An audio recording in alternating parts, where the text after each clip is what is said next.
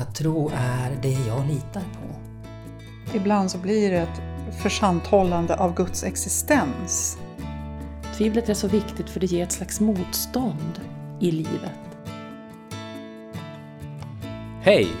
Du lyssnar på Angeläget, en samtalspodd från Svenska kyrkan i Umeå med Lena Fageus och gäster. Idag är temat Tvivel eller tro.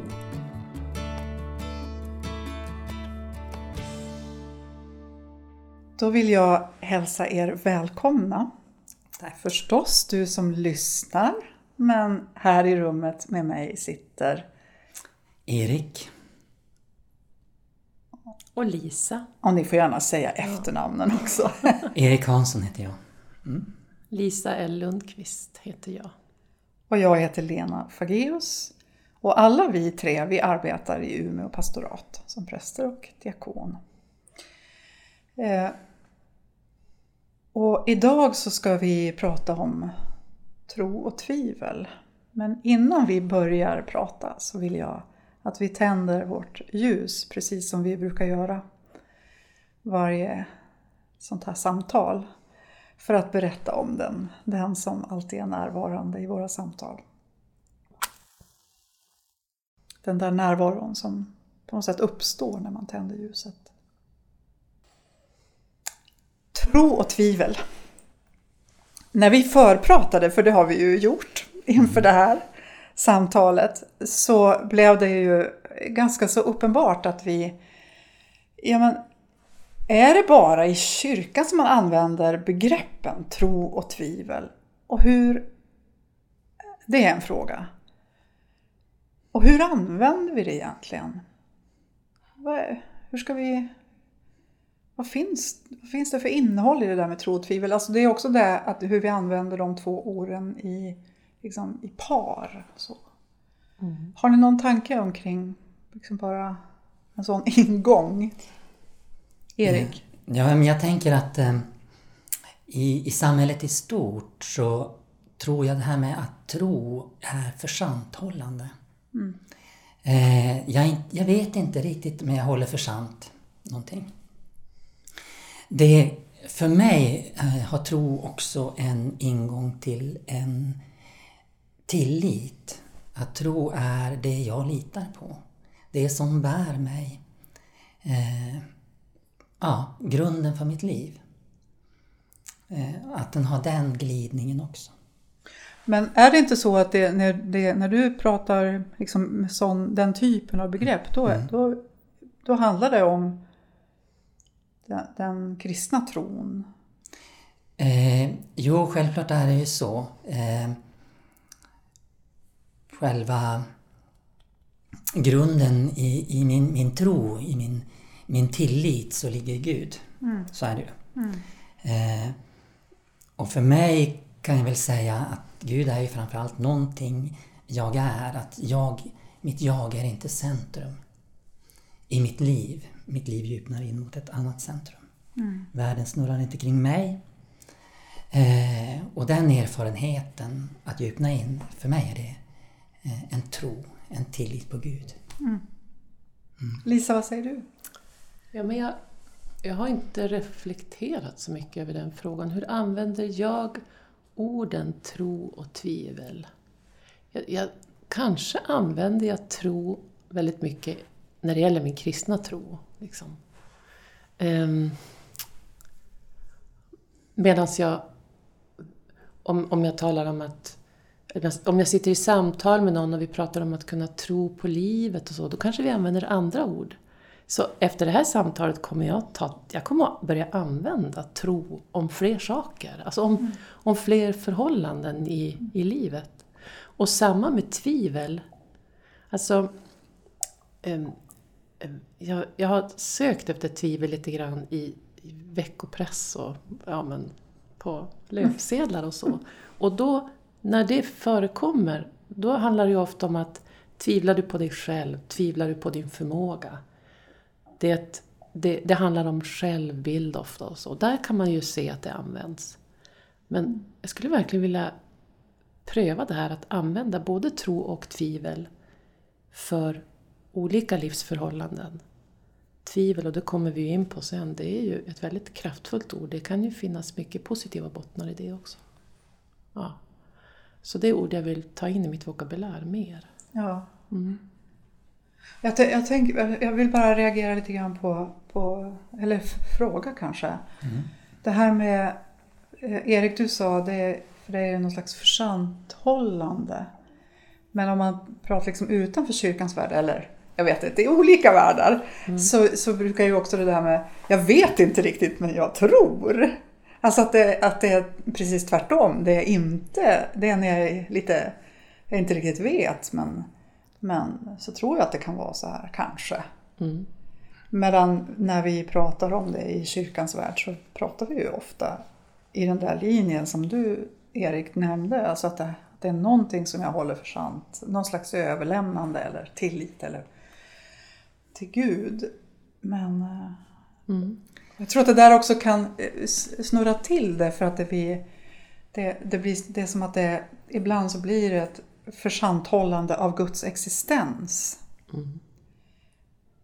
Eller, ja, Mm. det här är luddigt tänkt. Nej, men, Så. och, och den, alltså den när, när jag till exempel berättar att jag är präst, då, då kan jag få den, om det är någon som tycker det är spännande med, att, med det yrket och, och kyrkan och sådär och religion och andlighet. Och, då kan jag ofta få den reaktionen, men du, tror du verkligen på Gud? Och då är det ju det där försanthållandet, ganska statiska Ja. sättet att se på tro. Ehm, så det, det finns ju jättemycket att göra med det här begreppet. Det, det kanske är lite grann eh, det här med försanthållande. Att, för mig då så ser jag det att nej men det är ofta så vi använder ordet i samhället i stort. Eh, att eh, jag håller för sant någonting, jag tror på det.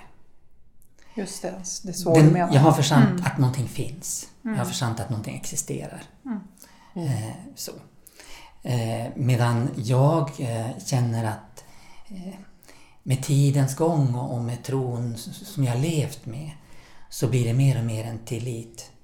Eh, det är att återvända till det jag är. Det är ingenting yttre jag tror på utan det är en inre väg för mig eh, tillbaka till mig själv. För jag, det där är jag buren så att säga. Ingen annanstans. Men, men sen, det finns ju också något funktionellt i det här att, att vad, vad, vad är det du tror på? Alltså vi har, men trosbekännelsen den, i kyrkan eller vilken annan religiös tradition som helst behöver ju ha någon slags... Alltså, vi behöver veta vad är det vi pratar om för någonting. Vi behöver veta vad är det vi pratar om för någonting. Vi har något som heter Vad tror vi på? Så. Också. Men eh, ja, trosbekännelsen uttrycker ju någon slags tro på. Sen Mm. behöver vi ha en, en diskussion innanför det. Men jag, jag tänker att det är inte så konstigt att vi tänker så försanthållandet. För att vi har, vi har skapat ramar, kyrkan, och kyrkan har ju varit ganska, har ju varit ganska rigida för det här ska man tro på om man är kristen. Liksom. Det måste jag kommentera men Erik, du, Ja. Erik, du var på väg att säga Ja, nej men jag tror det är viktigt att man har ett språk. Eh, så att eh, där är det ju viktigt eh, med kyrkans tradition för mig också. Det är ju inte så att, att man kan... Jag menar, varje muskel, vi måste ha skelett. Och språket är på något sätt skelettet som får oss att bära så att säga. Mm, det är en bra bild.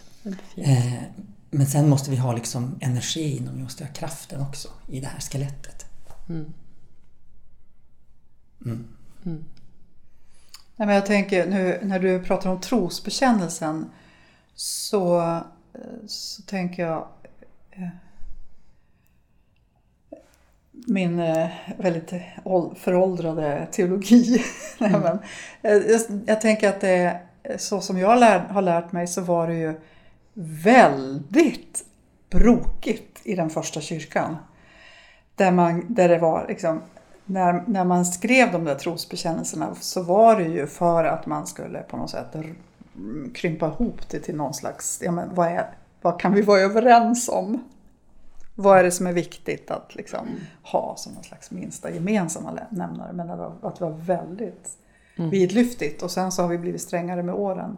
Jag hoppas att vi är mera vidlyftiga nu. Eller jag vet inte om vidlyftig är precis är rätt ord. Men alltså mera toleranta och generösa mot att man kan tänka på olika sätt och tro på olika sätt.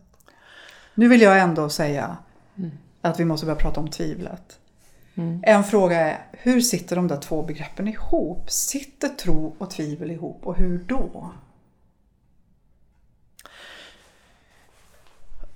Jag, jag skulle vilja ta mitt, mitt lilla språng från en... Eh, eh, och då får alla som inte känner till teologin få förlåta mig, men jag ska försöka förklara det så gott jag kan. Något som fascinerade mig när jag började läsa teologi, det var den apofatiska teologin. Och den, eh, några av de kloka kyrkofäderna sa, hur säker du än blir på din sak, om vem du tror på och vilken, vilken, ja men, vilken teologi, vilken gudsbild du vill anamma, så måste du alltid bära med dig det där apofatiska förhållningssättet som helt enkelt betyder bara, vi kan inte säga någonting om Gud. Och för mig har den där, just det där, det där spåret om Gud som mysterium, bortom allt, någon som jag, eller någon, något som jag inte kan fånga, som behöver vara lite tomrum, lite osäkerhet för mig. Det måste alltid finnas med. Vad jag än säger om Gud, om min tro, så måste det alltid finnas med ett spår av det där eh, Ja, jag tror på det här, men det kan också vara på ett annat sätt. Och, och för mig har det där, just det där, Gud är mer än, mer än det jag kan säga om Gud. Har det, har Det det har blivit, blivit en slags tvivelsrum. Ett Ja. rum för både tvivel, för... Tvivel tror jag för mig är inte motsats till tro, utan det är motsats till tvärsäkerhet.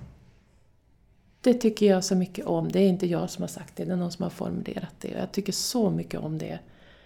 Det är den där tvärsäkerheten i mig. Den, den, tvivlet botar den tvärsäkerheten. Och det gör mig, det gör mig glad. ja, för då handlar det, det handlar plötsligt om allt möjligt. Allt som man skulle kunna vara tvärsäker på. Ja. Det blir som en livshållning låter det som. Ja, så, så är det. Mm. Eh, nej men jag kan väl bara instämma. Jag, jag tänker inte att tro och tvivel är någonting som står emot varandra utan att det är varandras förutsättning. Och eh, eh, alltså tro utan tvivel det, det är liksom enfaldigt. Eh, det kan gå väldigt fel. Och eh, tillit, eller tvivel utan tillit, utan eh, en trygghet, en slags grund, eh, golv att stå på. Det är ju bara rädsla. Den är inte konstruktiv. Så att vi måste både vårda vårat, vår tro, vår tillit, vårt hopp, eh, goda sammanhang, men också vårat eh, tvivel, våran längtan, vårat sökande, våran eh, beredskap till förändring, till förnyelse. Eh, och eh, väva det samman så att det blir som ett tyg. Jag fråga, alltså för du pratar om vårda. Mm. Hur gör man det? Oh, vilka svåra frågor. Nu- Jag slänger ut massa ord här som jag måste stå för också. Hjälp. Eh, nej men jag tror, jag tror det är basics saker.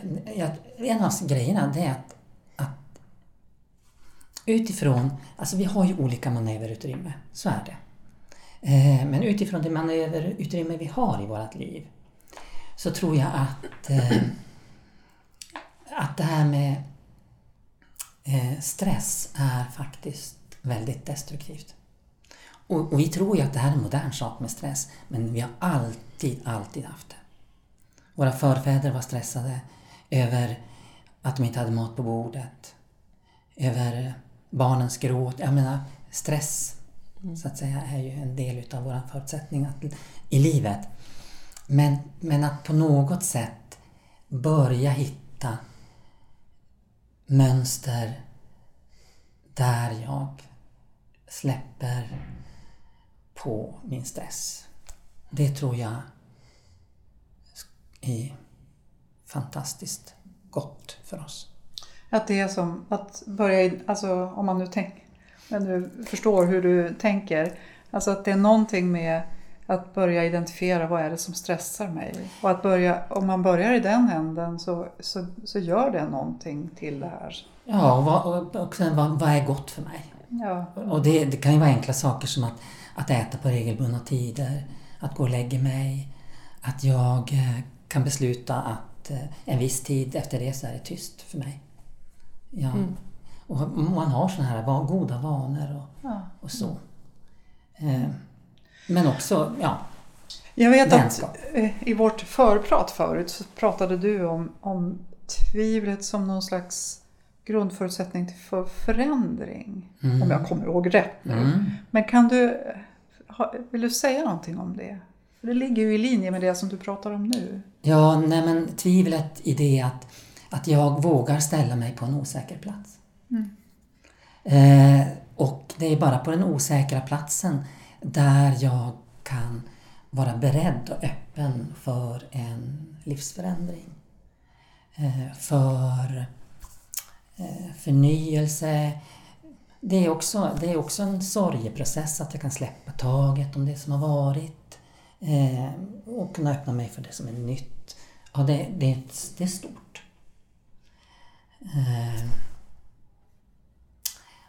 Och eh, och där, där behöver jag tilliten, jag behöver tron. Jag behöver en, en riktning, eh, kunna vara för att vara på den platsen. Lisa?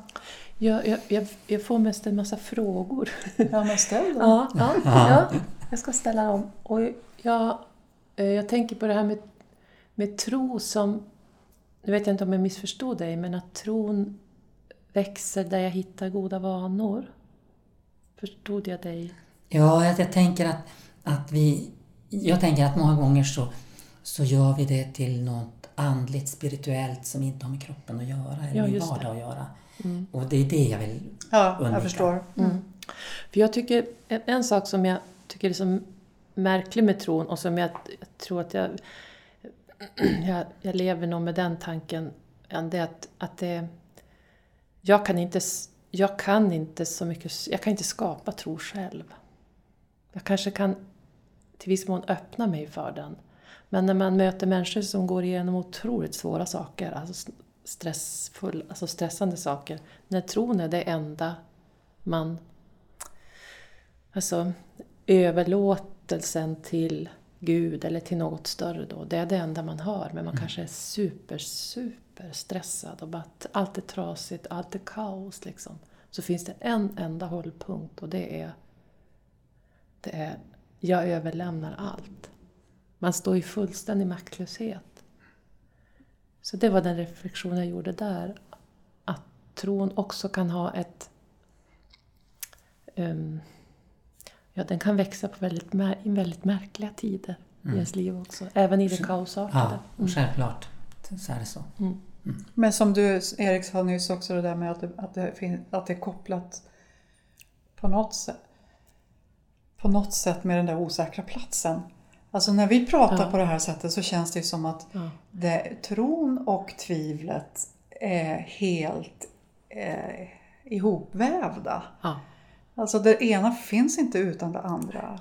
Och att, det, att ja, men tvivlet på mig själv eller på tillvaron eller på Gud eller på vad det nu är. Eller på den tvärsäkra ledaren eller, eller vad det nu är. Är det som, som sätter igång en förändring till någonting annat. Eller en längtan till att kunna gå åt ett annat håll. Mm. Och sen om tron någon gång riskerar att bli tvärsäker så, så behöver vi knuffas mot tvivlet igen för att bli sårbara och närvarande i det som är våra liv.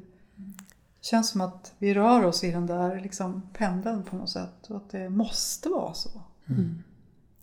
Det finns ju flera, om vi, flera ord i, i grundspråket i Bibeln för tvivel. Alltså, svenskan översätter flera olika ord till tvivel. Och ett utav dem, eh, det jag vet inte om jag säger det rätt, men jag tror att det är dialogismos, alltså det som ligger i dialog. Så det där att tvivlet är på något sätt det som tvingar oss till dialog med livet, med varandra, med Gud. Vad tänker jag om det här? Det finns något, tvivlet är så viktigt för det ger ett slags motstånd i livet som vi är viktigt för vår växt. Och då gäller det inte bara det, det, den andliga eller den kristna tron, utan Nej. hela livet. Nej, men det, det, tycker jag har blivit påtagligt, eller synligt för mig i alla fall när vi pratar. Att mm. Det är långt större än bara den kristna tron. Även om det här det är liksom våran ram med kyrkan. Men att det är så, att det verkligen är så att alla människor behöver röra sig i det här, i det där, det här väglösa landet på något sätt. Mm. Där, man, där man letar sig fram till nya, till nya tankar och till ny till ny tro. Att den behöver utvecklas och förändras. Mm. Jag tänker också att det finns någonting med Ja men oavsett vilken position vi har när vi närmar oss det där tvärsäkra så, så är det bra om någon knuffar till en så att man, så att man börjar röra sig oavsett vad det är, hur min tro än ser ut så, så behöver jag röra mig. Mm. Det är något som blir fastlåst om jag har formulerat något väldigt tydligt för mig så, så blir jag fast där så mm. motsätter det liv. Mm. Om, vi, om vi pratar grundspråk eh, så eh, i, i grekiskan, i grundspråket i Bibeln, så står det inte tro på utan eh, själva ordet är tro, riktning in i. Mm. Och eh, så tron som någonting försanthållande av någonting statiskt, någonting så här, det, det har faktiskt ingen bäring i själva grundspråket. Mm. Utan i själva grundspråket är ju att det är tro som en riktning, mm. som en rörelse. Och när du säger grundspråk, ja men vi, för oss är det ju självklart att vi använder, vi tänker grekiska, men det är ju något slags mänskligt grundspråk. Mm. Ja. Att den här, det här, de här, på de här nivåerna så handlar det om en riktning som går inåt, in i det djupast mänskliga. Mm. Nu tänker jag att vi ska börja dra mot ett avslut av den här första delen av vårt samtal. Lisa, har du någonting som du vill läsa? Jag har en dikt som jag tänkte på när du sa det där. Ja. ja då tar jag den. Gud, Låt mig brottas utan skam, tvivla utan dom, fråga utan hån och så falla in i dig. Du som väntar tyst med blanka ögon och ett hjärta med vidöppna portar.